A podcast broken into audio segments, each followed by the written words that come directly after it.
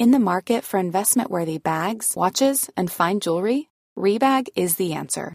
Rebag is a luxury resale platform where each piece is carefully inspected by experts to ensure quality and authenticity. Use Rebag to buy and sell finds from the world's top brands, including Louis Vuitton, Chanel, and Cartier. Head to Rebag.com and get up to 15% off your first purchase as a member with code REBAGNEW. Shop today at Rebag.com. That's R E B A G.com. And use promo code REBAGNEW for up to 15% off your first purchase as a member. Burrow is a furniture company known for timeless design and thoughtful construction and free shipping, and that extends to their outdoor collection. Their outdoor furniture is built to withstand the elements, featuring rust-proof stainless steel hardware, weather-ready teak, and quick-dry foam cushions. For Memorial Day, get 15% off your Burrow purchase at burrow.com slash ACAST and up to 25% off outdoor. That's up to 25% off outdoor furniture at burrow.com slash ACAST. Hiring for your small business? If you're not looking for professionals on LinkedIn, you're looking in the wrong place. That's like looking for your car keys in a fish tank. LinkedIn helps you hire professionals you can't find anywhere else, even those who aren't actively searching for a new job but might be open to the perfect role. In a given month, over 70% of LinkedIn users don't even visit other leading job sites. So start looking in the right place. With LinkedIn, you can hire professionals like a professional. Post your free job on linkedin.com slash people today.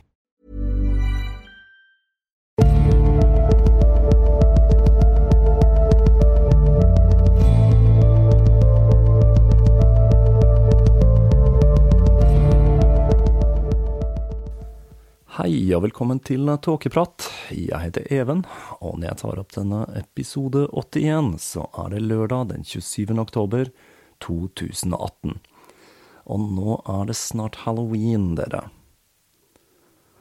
Nå er det 14 dager siden sist jeg tok opp en episode, og jeg må si at det skjer ting her i Studio Tåkeprat. Det virker som en evighet siden sist jeg satt her foran mikrofonen og gjorde det som er blitt en så vesentlig del av livet mitt. Mange ting er skjedd. Ikke minst så har jeg nå inngått en samarbeidsavtale med podkastkollektivet Moderne Media, som har podcaster som True Crime-podden og Dialogisk. Jeg har lenge fundert på en mulighet som dette, ikke minst fordi jeg har lyst til å dedikere enda mer tid til podcasting så jeg kan gi dere lyttere et enda bedre produkt. Som sagt så er dette kun et samarbeid. Det er fremdeles jeg som eier og drifter Tåkeprat på samme måte som før. Men dette åpner en del muligheter som livepodcaster og sponsorer. Men dere kan slappe helt av, det er fremdeles jeg som styrer skuta og bestemmer hvordan dette skal gjøres. Tåkeprat er, og vil fortsatt være, en uavhengig podkast. Jeg har vært i dialog med moderne media i noen måneder, og mitt inntrykk er at dette er en gruppe med ildsjeler som virkelig forstår podcasting og kommer fra samme sted som meg selv. Jeg har vel så vidt nevnt dette med podkastkollektiver tidligere, men til nå så har jeg ikke sett på dette som noen reell mulighet her i Norge. Men nå har jeg troen på at Podkast-Norge virkelig er i ferd med å blomstre, og at dette formatet er i ferd med å få en ny tyngde. Podkastkollektiver er en modell som har fungert godt i USA, og med en voksende podkastscene her i Norge, så ser jeg ingen grunn til at denne modellen ikke kan fungere her til lands òg. Og det kan være greit å ha litt ekstra backing når man er en uavhengig podcaster som fekter blant alle de store mediehusene for å gjøre sin stemme hørt. For dere lyttere så vil ikke dette bety store endringene. Jeg kommer etter hvert til å bytte til en ny og bedre server, men dette er noe dere forhåpentligvis ikke vil merke noe til, med muligens unntak av noe bedre lyd på nye episoder. Det vil også etter hvert stå moderne media under utgiver i feeden og på framsiden til Tåkeprat. Så det blir spennende å se hva dette vil føre til. Jeg har i løpet av året fått en god del forespørsler om å gjøre liveopptredener og jeg ser på dette som en god mulighet til å bruke et støtteapparat for å få gjort dette på en skikkelig måte. Tiden vil vise hva dette bringer, men fram til jeg får banket sammen ting som hvordan Tåkeprat live eventuelt skal foregå, så skal vi kaste oss over dagens tema. Nå skal vi begynne på et tema jeg har hatt på vent i lang tid. Dette blir en omfattende serie, og selv om jeg ikke er helt sikker på hvor lang den kommer til å bli, eller hva jeg kommer til å sitte igjen med når jeg er ferdig, så har jeg følelsen av at den kan komme til å stå skulder ved skulder med noen av de mest omfattende seriene her i Tåkeprat, som Folkets tempel eller Prometheus. Mange av dere gjettet sikkert at strofen jeg avsluttet siste episode med, var fra Macbeth av William Shakespeare. Og kanskje en del av dere til og med visste at dette var fra Heksenes sang, Double Double, Toil and Trouble, og tok hintet om hvem denne serien skal handle om. Nå skal jeg nemlig nøste opp i livet til ingen ringere enn Gerald Gardner. Gerald Gardner er en av de personene jeg har fått mest spørsmål om å ta for meg her i Tåkeprat. Problemet for meg er at jeg til nå kun har kjent til hans egen og de omgangskretsen hans versjon av livshistorien hans. Selv om Garner på langt nær er noen Gurdjieff, så hadde han en del fantasifulle gjenfortellinger av eget liv. Han kunne eksempel skryte på seg både fransk og skotsk opphav, selv om dette er svært tvilsomt. Dette med påstått skotsk opphav, det er jo noe han da faktisk deler med en del andre okkultister som har dukket opp her i Tåkeprat. Det er også en del uoverensstemmelser i hans gjenfortelling av eget liv. Selv om mange av disse nok rett og slett skyldtes at han på samme måte som Crowley levde et svært spennende og omfattende liv, og at hukommelsen hans nok sviktet litt på noen punkter når han skulle gjenfortelle historien årevis senere. Men når man skjærer vekk dette, så er fremdeles livet hans en svært spennende, interessant og ikke minst dramatisk historie. I arbeidet med denne serien så har jeg valgt å forholde meg til Philip Hesseltons mastodont av en Gardner-biografi, Witchfather, som hovedkilde. En bok som tar utgangspunkt i de tidligere biografiene, og er proppfull av kildehenvisninger, og ikke minst Heseltons primærarbeide for å nøste opp historien om mannen som av noen blir omtalt som stifteren av den eneste verdensomspennende britiskfødte religionen, og av andre som heksekunstens grisete mann. Meningen om denne mannen er altså svært mange, og svært sprikende. Inne i hodet mitt så regner jeg med at de aller fleste av dere som hører på denne podkasten, vet hvem Gerald Gardner er. Men sånn er det selvsagt ikke. For de av dere som aldri har hørt om denne mannen, så er dette fyren som grunnla en del av hva vi i dag kaller for vikka, eller moderne heksekunst. Men begrepet vikka i dag, det omfatter langt mer enn Gardners system. Og dette er ganske viktig. Dette er ikke en historie om moderne heksekunst. Dette er en fortelling om mannen som tok strømninger i samtiden, og gjorde begrepet heks og heksekunst til en del av allmenntalen. I hvert fall for noen, bør jeg kanskje skyte inn, og i visse miljøer. For si hva du vil, Gerald Garner var og er en ekstremt viktig figur for tilblivelsen av magisk, neopaganistisk og okkult praksis i andre halvdel av 1900-tallet. Med denne serien forsøker jeg på ingen måte å underminere dette, men jeg skal forsøke å få fram mennesket Gerald Gardner, mannen bak myten, for å forsøke å komme litt nærmere innpå og forstå denne mannen på godt og ondt. Gardner har allerede blitt nevnt en rekke ganger her i Tåkeprat. I serien om den vesteuropeiske heksekulten så gjorde han en liten opptreden, og Murrays bok kommer til å dukke opp som et viktig element i denne serien også. Han dukker også opp i historien om Crowley i Prometheus-serien. Crowley selv dukker selvsagt opp i denne historien også, som i så mange andre. Han er ikke en fyr vi kommer til å slippe tak i med det første. Man kommer liksom helt aldri unna Alistair Crowley. Jeg mener også at jeg nevnte at eh, Anton Lavey fnyste av vikka-hekser og deres nakenhet, da hans eh, sataniske hekser ikke kler av seg, men på seg for å praktisere sitt religiøse uttrykk, også kjent som bitchcraft. Eller kjent og kjent, det er vel muligens bare jeg som morer meg med det begrepet. Uansett, i det store og det hele. Gerald Garner har en tendens til å dukke opp her i Tåkeprat. Så da er tiden inne for å ta for seg livet til denne mannen i en serie jeg har valgt å kalle Hekse.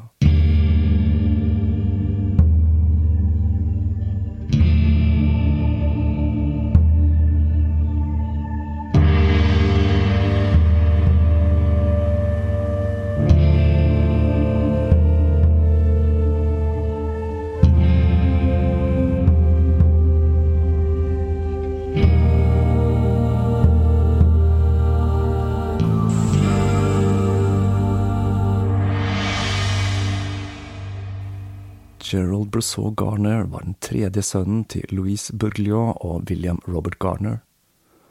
Han ble født fredag den 13. i juni 1884 i Bluntell-Sands i Lancashire utenfor Liverpool. To år senere skulle hans yngre bror, Francis Douglas Garner, bli født.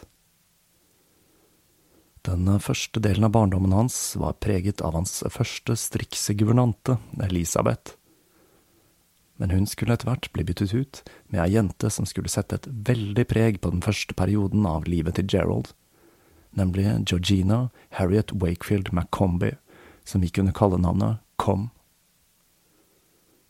Denne unge damen kom mest sannsynlig fra Nord-Irland, selv om dette er noe som ikke har blitt dokumentert. Hun ble omtalt som både skotsk og irsk. Alderen hennes er altså svært usikker, for alderen hun oppgir er svært inkonsistent. Dette kan ha skyldtes at hun kun var ca 16 år da hun ble ansatt av Gardner-familien, og at hun løy om alderen for å få jobben. Uansett opprinnelse og alder, så begynte denne unge damen å jobbe for familien i 1887.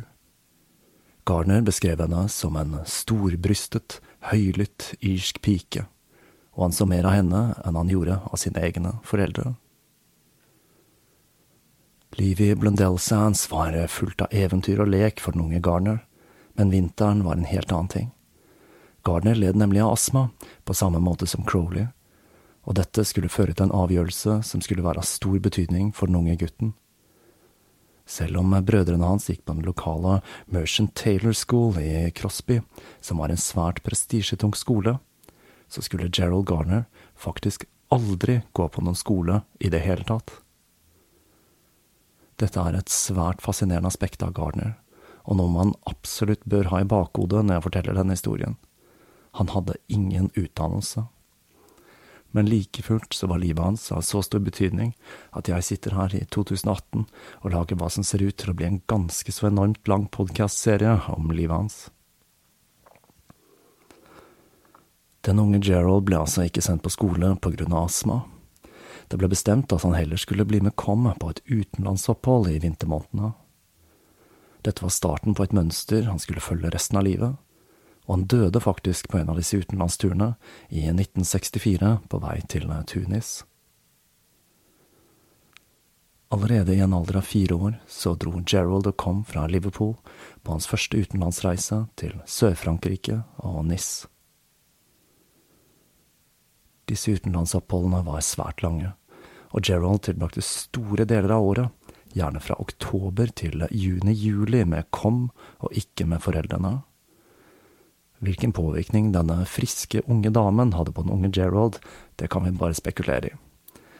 Og frisk tror jeg er en ganske god beskrivelse av denne damen, altså. Det skal vi se litt nærmere på nå. Det var på en av disse reisene, hvor de to dro til Kanariøyene, at Gerald oppdaget en av sine livslange lidenskaper, nemlig lidenskapen for våpen.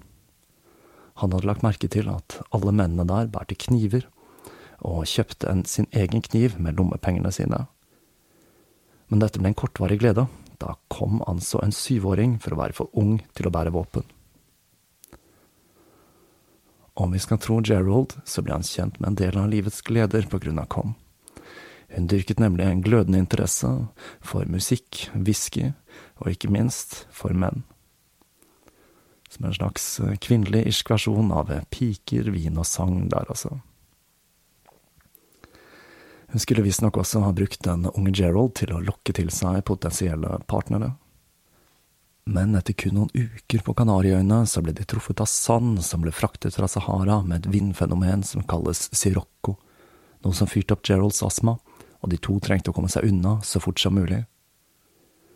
De tok den første tilgjengelige båten og satte kursen mot Accra, på Gullkysten, som det het den gang det var en britisk koloni, og som i dag er en del av Ghana.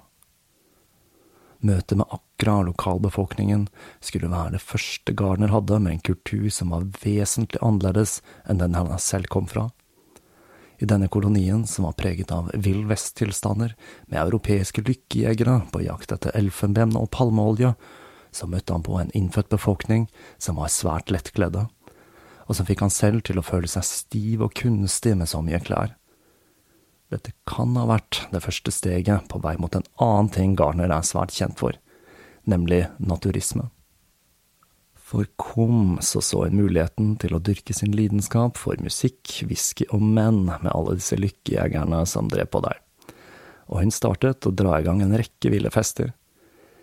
Disse festene må ha vært ganske så voldsomme, for etter kun tre uker så hadde de lokale misjonærene begynt å klage så fælt på den utagerende festingen hennes at hun bestemte seg for å ta med seg Gerald og dra til Madeira. En øy de to skulle besøke hvert år de neste ni årene. Og også øya der Kom til slutt skulle møte sin ektemann. På Madeira så fortsatte Kom festingen sin i løpet av årene. Hun kjøpte seg et piano, og Gerald forteller at hun plasserte skjermbrett rundt sengen sin, noe som vel insinuerer at det skjedde ting der med beilerne hennes som hun skjulte fra den unge gutten. Gerald i den andre enden av rommet kunne derimot skilte med en imponerende og stadig voksende våpensamling som hang til utstilling på soveromsveggen, siden Kom etter hvert hadde latt Gerald få beholde våpnene han kjøpte med lommepengene. Et par av disse mennene til kom skulle ha betydning for Gerald. Den første var Clifford England, en kjederøykende, whiskydrikkende engelskmann som hadde kone og barn hjemme i England. Gerald likte han fordi han tok seg tid til å prate med han. Han skulle forbli en nær venn av Gerald og kom i en årrekke. Men den viktigste personen de møtte på Madeira, var David Elkington, som de mest sannsynlig møtte i 1893. Han var fra Birmingham, og han kom fra en svært velstående familie. Han var også svært ung da han møtte den friske irske frøkna, et sted mellom 15 og 18 år. Han var egentlig på vei til Sør-Afrika, men han ble så bergtatt av denne irske kvinnen at han bestemte seg for å bli ekstra lenge på Madeira. Gerald likte David svært godt, men det gjorde ikke Kom, ikke til å begynne med i hvert fall. Hun syntes at han var kjedelig, og hun tok rett og slett med seg Gerald og flyttet til et annet hotell for å unngå beileren. Men han var standhaftig og flyttet etter. Dette ville være muligens klassifisert som stalking i dag, men dette var tross alt i 1893 og ble vel mer sett på som en romantisk gest, tenker jeg. Til slutt så så han seg nødt til å dra videre til Sør-Afrika, og i 1895 sendte faren han hans til Ceylon, hvor han skulle lære seg å drifte teplantasjer. Ceylon heter i dag Sri Lanka, men jeg kommer til å bruke det historiske navnet Ceylon i denne fortellingen. Fra Ceylon så skulle han sende en rekke brev til Kom, men hun kastet de og leste de aldri. Mens Kom holdt på med sitt, så fikk Gerald stort sett holde på med sine egne ting. Han utforsket den lokale kulturen og befolkningen, og ikke minst så bygget han ut våpensamlingen sin med kniver, bajonetter og sabler. Hvorvidt eh, egentlig var ment å fungere som en lærerinne for Gerald, er uvisst. Han lærte jo visse ting, da, kan man si, men kanskje ikke akkurat hva man vil kalle realfag. Men Gerald var en nysgjerrig gutt. Han eh, kjøpte en rekke magasiner, som The Strand, som publiserte noveller som annet følgetonger av Doyles Sherlock Holmes. Jeg går ut ifra at dette magasinet går under definisjonen pulp, så det samme som hvor våre venn, tåkepratvenner Lovecraft og Howard publiserte sine verker. Men det var en utfordring, gutten hadde jo aldri lært å lese. Men han så på illustrasjonene og lærte seg bokstavene og han fikk stadig folk til å lese strofer fra tekstene slik at han kunne lære seg lydene til bokstavene. Gerald mintes selv den dagen da han satt og forsøkte å lese, og innså at han faktisk forsto hva som sto skrevet på siden. Han løp inn til Kom og ropte ekstatisk, Jeg kan lese, jeg kan lese, men hva hennes reaksjon var på at gutten hadde lært seg dette på egen hånd, det vites ikke. Det at han hadde lært seg å lese på egen hånd, gjorde nok denne kunsten helt spesiell for den unge Gerald, som kastet seg over det han fant av litteratur. En bok som var lagt igjen av en hotellgjest, gjorde et spesielt inntrykk på Gerald, nemlig There Is No Death av Florence Mariette en bok som tar for seg spiritisme og seanser, og som introduserte Gerald for ideen om et liv etter døden og åndeverdenen. I 1896 skulle Com starte enda en affære, denne gangen med en Rowley, assistenten til en advokat, Robert Lawrence Torton. Denne gangen var det Com som ble hodestups forelsket, og Robert satte ikke pris på hvordan Com distraherte assistenten hans, så han og Rowley byttet hotell men denne gangen så var det Kom som gjorde som David, og fulgte etter. Her snakker vi om et skikkelig trekantdrama. For når Gerald og Com skulle dra til Madeira i oktober 1897, så gikk de ikke av båten på Madeira slik de skulle, men de tok båten videre til Sør-Afrika og Cape Town for å møte David. Denne turen var hemmelig, og Com hadde ikke fortalt Geralds foreldre om planen for å dra og møte David, som hadde fridd. Selv forteller ikke Gerald om denne turen i sine memoarer, og det sier kanskje noe om Gerald Gardner at han holdt løftet han hadde avlagt som en 16-åring resten av livet. Uansett, Kum hadde et dilemma.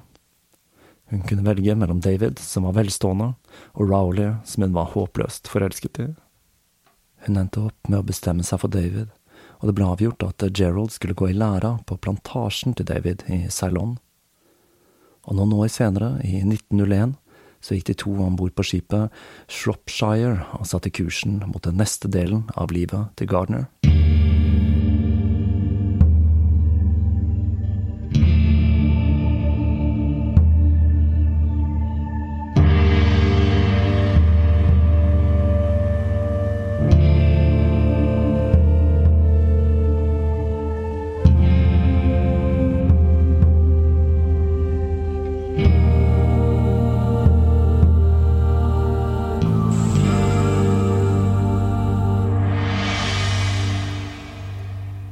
Hovedeksportartikkelen til Ceylon hadde fram til 1870-tallet vært kaffe, som i sin tid hadde blitt introdusert av nederlandske kolonister. Men plantasjene hadde blitt rammet av en sopp som forårsaket kafferåte, og plantasjeeierne var nødt til å se seg om etter andre mulige avlinger. Te var det mest logiske valget, og resultatet av dette er at te i dag er den største eksportartikkelen til Sri Lanka. Da Gerald ankom i 1901, var te allerede blitt en svært lukrativ eksportartikkel. Da skipet ankom havnen i Colombo, var det første inntrykket Gerald fikk at det hele så ut som en europeisk by. Etter de møtte David, gikk det kun noen få dager før bryllupet fant sted, og de tre reiste videre til Candy, hvor de bodde, mens David ventet på å få ferdigstilt en bungalow på plantasjen som het Ladbrook Estate, og som lå mellom 1300 og 1500 meter over havet. Candy var en kjempespennende by for den unge Gerald. Som et gammelt buddhistisk knutepunkt så var stedet proppfullt av kloster og andre spennende syn og lukter og lyder for den unge gutten. Men byen var ikke så stor at naturen ikke var i umiddelbar nærhet, og Gerald fikk sitt første møte med utemmet jungel under dette oppholdet. Han gikk lange turer på egen hånd og gjorde seg kjent med jungelens lyder og lukter. For de av dere som har skikkelig elefanthukommelse, så er det en annen ting med Candy som er svært fascinerende. Om dere husker, så tilbrakte Crowley og Alan Benn Selling a little or a lot? Shopify helps you do your thing however you cha-ching. Shopify is the global commerce platform that helps you sell at every stage of your business. From the launch your online shop stage to the first real life store stage, all the way to the did we just hit a million orders stage. Shopify is there to help you grow. Shopify helps you turn browsers into buyers with the internet's best converting checkout. 36% better on average compared to other leading commerce platforms because businesses that grow grow with Shopify. Get a $1 per month trial period at shopify.com/work. shopify.com/work. Hey, I'm Ryan Reynolds. At Mint Mobile, we like to do the opposite of what Big Wireless does. They charge you a lot, we charge you a little. So naturally, when they announced they'd be raising their prices due to inflation, we decided to deflate our prices due to not hating you. That's right. We're cutting the price of Mint Unlimited from $30 a month to just $15 a month. Give it a try at mintmobile.com slash switch. $45 upfront for three months plus taxes and fees. Promo rate for new customers for limited time. Unlimited more than 40 gigabytes per month. Slows. Full terms at mintmobile.com. Hatt en god del tid i denne byen på sin reise gjennom Asia. Og det er blitt spekulert i om den unge Gerald møtte Crowley nettopp i Candy for første gang. Men til tross for hvor appellerende den tanken er, så dro Crowley og Bennett fra Candy i november 1901, og Gardner, Coom og David ankom først i desember det samme året. Men like fullt så finner jeg dette temmelig fascinerende, og dette forsterker ideen om at Alistair Crowley var praktisk talt overalt der det skjedde i tiden han levde. Når de flyttet til bungalowen i mars, måtte Gerald som 17-åring jobbe for første gang i sitt liv. Det virker kanskje litt underlig i dag, men han måtte faktisk betale for å gå i læra. Dette var altså ikke betalt arbeid, men ble sett på som en utdanning. Og dette var langt fra noe luksusarbeid, men steinhardt plantasjearbeid, som for meg høres ikke så helt ulikt ut som hva de drev med i People's Temple på Guyana. Bare uten Jim Jones og kaliumcyanid, da, selvsagt. Men eh, hva som skulle bli to år med slit, skulle betale seg i verdifull erfaring for Gerald. Ikke bare lærte han disiplin og hardt arbeid, men etter to år på plantasjen, når han begynte å nærme seg 20 år, klarte han å finne seg en betalt jobb på Non Pareil-plantasjen, en plantasje som fremdeles eksisterer i dag. Og kanskje enda viktigere enn å tjene sine egne penger, var at han for første gang skulle leve i en tilværelse uten å ha den stormfulle irske kom hengende over seg. I denne tilværelsen skulle han begynne å vise noen av sine beste sider, for der de fleste kolonistene holdt en viss avstand til de innfødte, så behandlet Gerald de som om de var hans egne, han gjorde seg kjent med landet og naturen. Et eksempel er denne historien. Han var veldig glad i å jakte hjort, og en dag så gikk han seg vill på en av disse jaktturene men siden han kjente naturen der så godt, så overnattet han i jungelen. Neste dag tok han seg tilbake til plantasjen, og ble helt himmelfallen over at sjefen hans hadde satt i gang en storstilt redningsaksjon fordi det ble antatt at en engelskmann engelsk som var alene i jungelen, kom til å møte den sikre død. I likhet med Crowley så var han også glad i å bestige fjell. Og mest sannsynlig så besteg han Adams Peak på 2243 meter, som jeg er rimelig sikker på at jeg husker Crowley også tok seg til toppen av. Selv om det jo kan hende jeg husker feil, men jeg vil bli litt overrasket om han ikke gjorde det, med tanke på hvilken fjellgeit den fyren der var. Et annet element med perioden i Ceylon er enormt viktig i historien om Gerald Garner. Det var første gang han kom i kontakt med en kultur som ikke var kristen. Den dominerende religionen var buddhismen og Gerald ble ikke bare fascinert av ideen om reinkarnasjon, men buddhismen hadde blandet seg med lokale religioner og deres guder og gudinner, og dette introduserte han for politisme og naturreligion. I 1904 fikk han besøk av familien. Faren hadde nemlig tenkt til å investere i en gummiplantasje. Etter kafferåten som hadde herjet Ceylon, så var gummi en annen attraktiv avling i tillegg til te. Han fikk kjøpe et område fra sjefen til Gerald, Atkinson, og denne plantasjen skulle administreres av Gerald selv. En eh, svært spennende figur som var med på dette familiebesøket, var Geralds kusine Jenny Tompkins fra Amerika. Hun hadde med en gave til Gerald, en bibel. Hun fortalte at han måtte lese den fra perm til perm, men dette var langt fra ment som noen religiøs gave. Hun sa, Jeg leste den fra perm til perm da jeg var på din alder, og jeg har aldri trodd et ord av den siden. Det skal ikke stå på sterke kvinneskikkelser i denne historien. Så mye kan vi vel allerede slå fast. Det var i denne perioden som plantasjeforstander at eh, hans lidenskap for våpen ledet han til eh, en annen av disse tingene som går igjen i livet til Garner. Han ble med i militæret. En lokal milits, The Ceylon Volunteers, og divisjonen The Ceylon Planters Rifle Corps. Dette var en liten militær gruppe som støttet Storbritannia i konflikter som boerkrigene. Ifølge Garner så var han med fra 1906 til 1910. Men dette er ikke helt sikkert, altså, for det fins ingen dokumenter som kan bekrefte at han faktisk var innrullert. Faren kom på besøk på ny i 1906 for å inspisere plantasjen, og vel fornøyd med Geralds eh, jobb, så dro de to tilbake til England i april 1907 så Gerald kunne få et lite avbrekk etter årene med jobb i Ceylon. Men om Geralds medlemskap i The Ceylon Volunteers er litt usikkert, så skulle det ikke gå så fryktelig lang tid før han igjen skulle bli med i en militærgruppe. Hjemme i England feite nemlig en nasjonalistisk vind over øya. De følte at de hadde blitt tatt med buksene nede i boerkrigen, og ikke minst så hersket det en frykt for at Tyskland skulle invadere.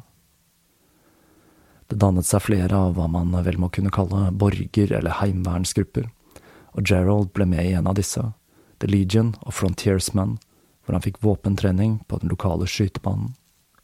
Under dette englandsoppholdet fikk han plutselig en dag et mystisk brev med en invitasjon til en familie han aldri hadde hørt om, Surgeonsons, som bodde i Formby, litt under en mil fra Blundell Sands.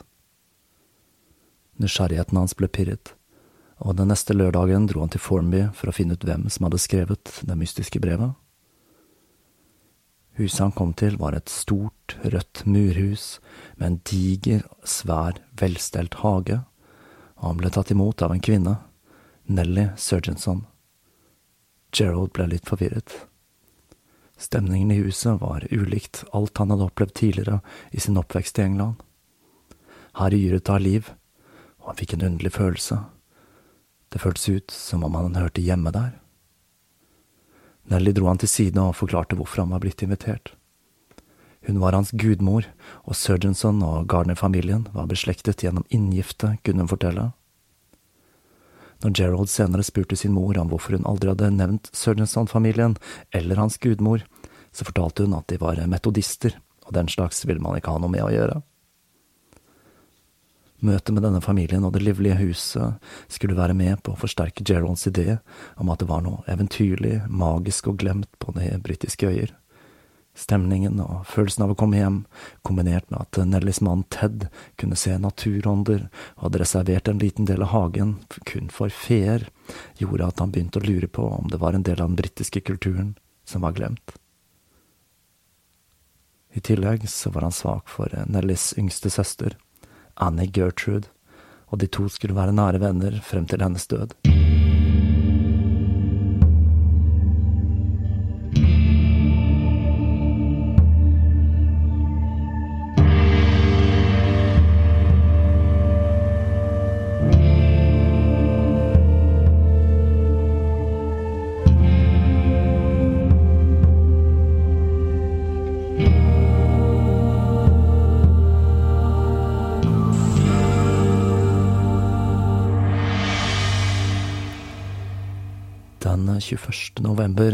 07 satte han igjen kursen mot Ceylon. Tilbake der så ble han et medlem av Frimurerlosjen i 1910. Antageligvis med et håp om å finne svar på sin spirituelle søken. Utrolig nok så var det en haug med losjer i Ceylon på den tiden. Og ikke bare i Ceylon. Etter å ha lest om Gurdjieff, så sitter jeg med følelsen av at en losje var omtrent like vanlig som McDonald's er i dag, over store deler av verden. Geralds engasjement i losjen var kort. Han steg i gradene, men han meldte seg til slutt ut en gang i 1911. Gummiplantasjen gikk det heller ikke så greit med. Den lå for høyt til å gro gummi effektivt, så faren bestemte seg for å selge den. Dette passet Gerald helt fint, for han var nemlig lysten på å forlate Ceylon og utforske nye områder. Så da han så en stillingsannonse der en gummiplantasje i Nord-Borneo søkte etter folk, så sendte han en søknad og fikk jobben basert på sin erfaring fra Ceylon.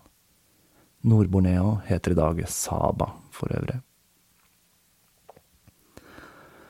Du kan si hva du vil, men jeg liker denne modellen av et eh, arbeidsmarked langt bedre enn den vi har i dag. Altså at man virkelig hands on-erfaring i høysetet.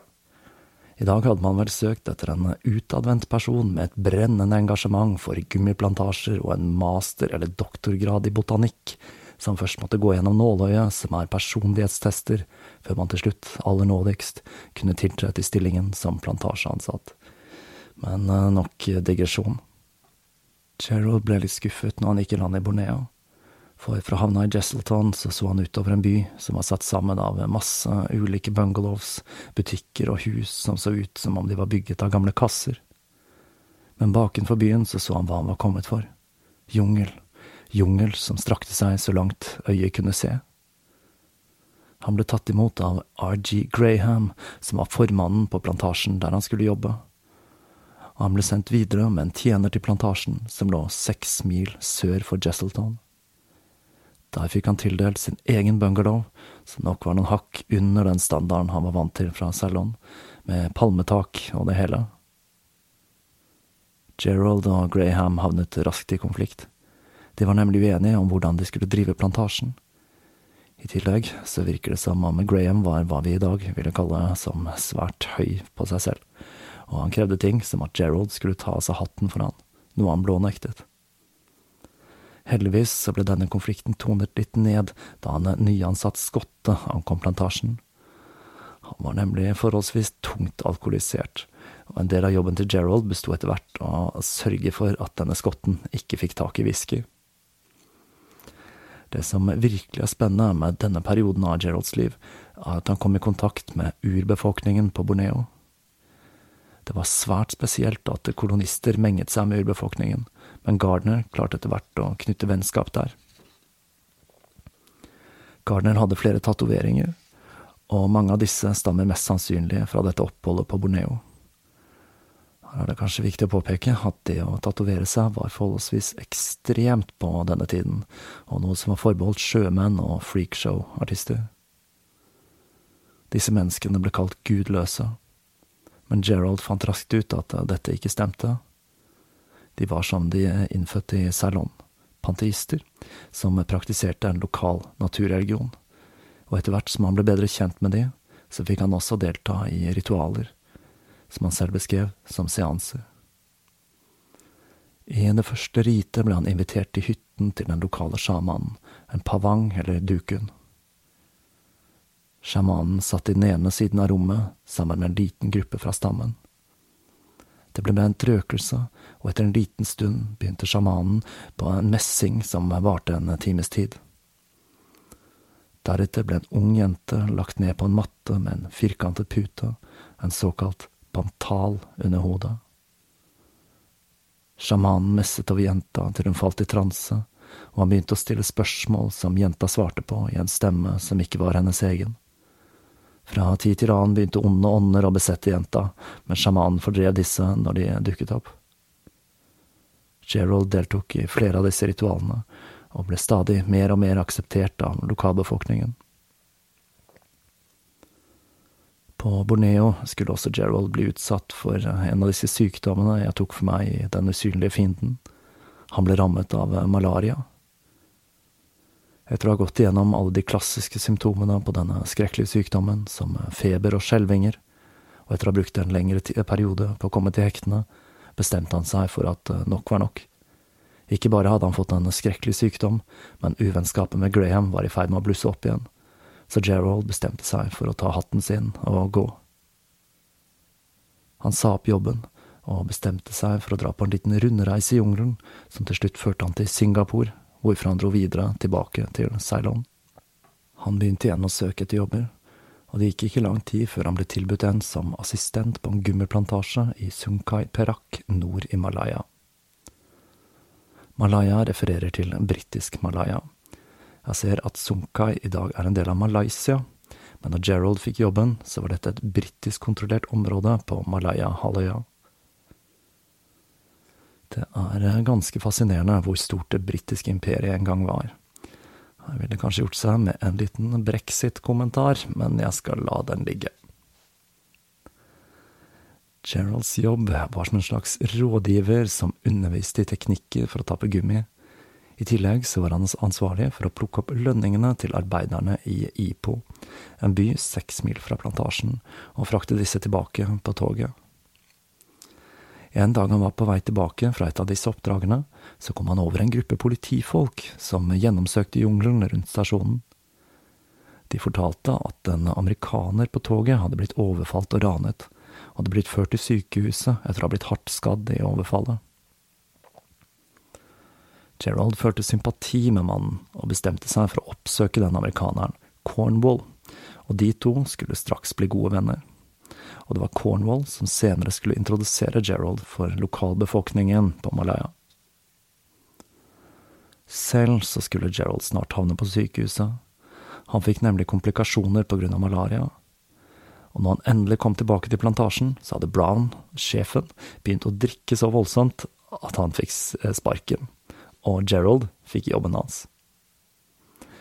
Men jobben til Brown besto i stor grad av regnskap, og det var ikke Geralds eh, sterke side, så han fikk selv sparken etter kort tid. Igjen så var han usikker på hva han skulle finne på. Da kom han på at han hadde møtt en fyr på toget på en av de mange turene han hadde vært for å hente lønninger. En kar ved navn Attenborough. De to hadde diskutert lokale skikker, og det hadde så mange felles interesser at eh, Attenborough hadde sagt at eh, Gerald var velkommen til å komme og besøke han og se på samlingen hans med lokale kulturgjenstander når enn det skulle passe. Og det var akkurat dette Gerald bestemte seg for å gjøre. Attenborough bodde i nærheten av Vidor, og det gjorde også Cornwall, amerikaneren han hadde besøkt på sykehuset, og Gerald så sitt snitt til å besøke han først. Denne Cornwall skulle vise seg å være en fyr som var uglesett blant kolonistene. Han var nemlig en smule spesiell. Ikke bare hadde han eh, konvertert til islam, men han hadde fått seg flere malaysiske koner. Han barberte hodet, og han gikk i sarong. Men han var en ganske uortodoks muslim, for når Gerald kom på besøk, et besøk som kom til å vare i 14 dager, så fortalte Cornwall han om lokale magiske tradisjoner, og de to hadde flere lange diskusjoner om magi, det okkulte og lokale tradisjoner. Cornwall kjente flere i lokalbefolkningen, og noen kvelder så kom disse for å utføre seremonielle danser i huset hans. Noen av disse inkluderte den tradisjonelle kniven keris, et magisk våpen Gerald senere skulle bli den ledende eksperten i verden på. Så imponert ble Gerald av dette besøket at han siterte den islamske trosbekjennelsen. Det finnes ingen annen gud enn Allah, og Mohammed er hans profet. Men dette var nok mest fordi han var så betatt av Cornwall, for senere i livet så hadde han liten interesse for islam. Når han endelig kom seg til Attenborough, så skulle det vise seg at han hadde glemt at han hadde invitert Gerald i utgangspunktet men da Gerald viste han notatblokken der han hadde skrevet adressen sin, så husket han etter hvert møtet på toget. Mens de to snakket sammen, så kom det frem at Gerald var på jakt etter en jobb, og det skulle vise seg at Attenborough jobbet for et gruveselskap, og at dette selskapet akkurat hadde kjøpt opp et område de skulle bruke til en gummiplantasje, og de trengte en til å administrere dette. Dette passet jo Gerald perfekt, og igjen så fikk han seg en ny jobb. Samtidig så, så han sitt snitt til å kjøpe sin egen platasje, Bukket Cato, som han jobbet med på fritiden og i helgene. Ting så lyser ut enn de hadde gjort på lenge. Gerald Gardner hadde en jobb og en egen plantasje. I tillegg så tilbrakte han så mye tid han kunne med å diskutere det okkulte og lære om malaysiske tradisjoner med Cornwall. Han fortalte til og med Cornwall at han mistenkte at bestefaren hans hadde vært en heks, Cornwall på sin side sa at han trodde det hadde fantes en heksekult i Europa, men at denne hadde dødd ut for mange, mange år siden. Og så brøt den store krigen ut.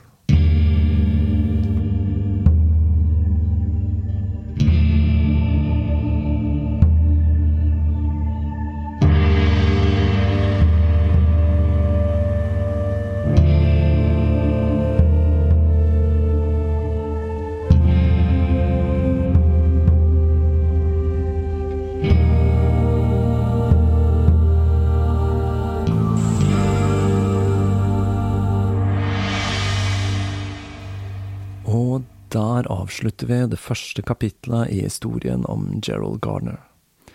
Allerede så er livet hans fylt med eventyr og magi, og vi har bare så vidt begynt å skrape i overflaten av hva som må kunne kalles et spektakulært liv.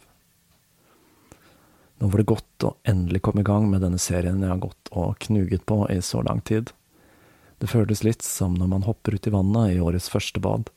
Man venner seg raskt til temperaturen i vannet. Som jeg sa innledningsvis, så ser dette ut til å bli en lang serie. Jeg har ikke helt bestemt meg ennå for hvordan jeg har tenkt å dele den opp. Jeg ser for meg at det kommer tre episoder, inkludert denne, i løpet av tre uker, og at det så blir et 14 dagers sprekk før det kommer tre nye. Altså seks episoder totalt. Kanskje. For jeg er aldri helt sikker på hvordan jeg vil ende opp når jeg jobber med disse lange seriene. Med Satans menighet var jeg eksempel sikker på at jeg minst ville ende opp med to episoder til, men slik ble det altså ikke, så vi får vente og se hva som skjer. Nå kommer det altså til å skje noen tekniske endringer her i Tåkeprat. Forhåpentligvis vil ikke dere merke noe nevneverdig til dette. Én ting dere nok kommer til å legge merke til, er at jeg kommer til å endre litt på forsiden til Tåkeprat. Jeg har lenge gått og syslet med ideen om noen endringer jeg har hatt lyst til å gjøre, men det å endre selve forsiden til podkasten er noe jeg ikke tar så lett på, og jeg føler at om jeg først skal gjøre dette, så er overgangen til en ny server og moderne media en perfekt anledning til å gjøre en slik endring. Så om du ikke følger tåkeprat på sosiale medier fra før, så er dette sikkert en lur ting å gjøre i disse dager, da jeg kommer til å komme med oppdateringer der om denne overgangen, spesielt hvis noe går galt, da. Tekniske ting har en tendens til å gå galt for meg. Jeg er da en sånn person som må regne med å bytte en nyinnkjøpt elektronisk duppeditt minst én gang før jeg får en som virker. Denne gangen så er jeg heldigvis folk som gjør dette for meg, og som vet hva de driver med. Så vi får krysse fingrene for at alt går etter planen. Helt til slutt så vil jeg komme med en kjempetakk til dere patrions. Jeg har sagt det til dere før, og jeg sier det igjen. Støtten jeg har fra dere, betyr utrolig mye for meg i prosessen med å få ut denne podkasten, kanskje mer enn dere selv er klar over. Og jeg håper at jeg med denne nye avtalen kan få gjort noe mer for dere, for det fortjener dere virkelig. Som vanlig så finner dere all info og linker på tåkeprat.com. Her vil det etter hvert også komme noen endringer, spesielt for dere som laster ned og streamer fra siden, men jeg skal holde dere oppdatert som best jeg kan. Så frem til neste episode vil jeg ønske dere alle alt godt og en fortreffelig Sawin. På gjenhør.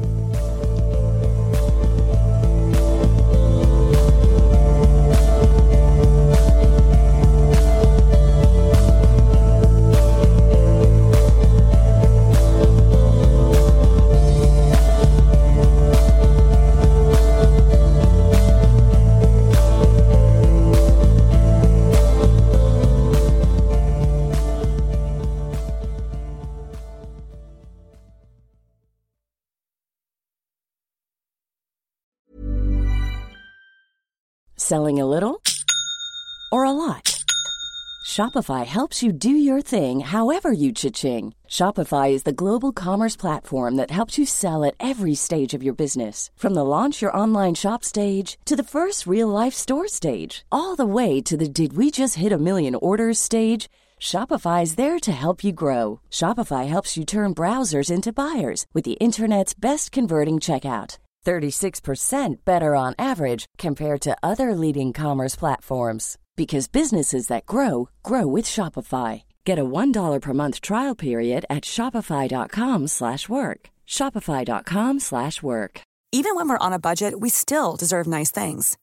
Quince is a place to scoop up stunning high-end goods for 50 to 80% less than similar brands. They have buttery soft cashmere sweaters starting at $50, luxurious Italian leather bags, and so much more. Plus, Quince only works with factories that use safe, ethical, and responsible manufacturing. Get the high-end goods you'll love without the high price tag with Quince. Go to quince.com/style for free shipping and 365-day returns.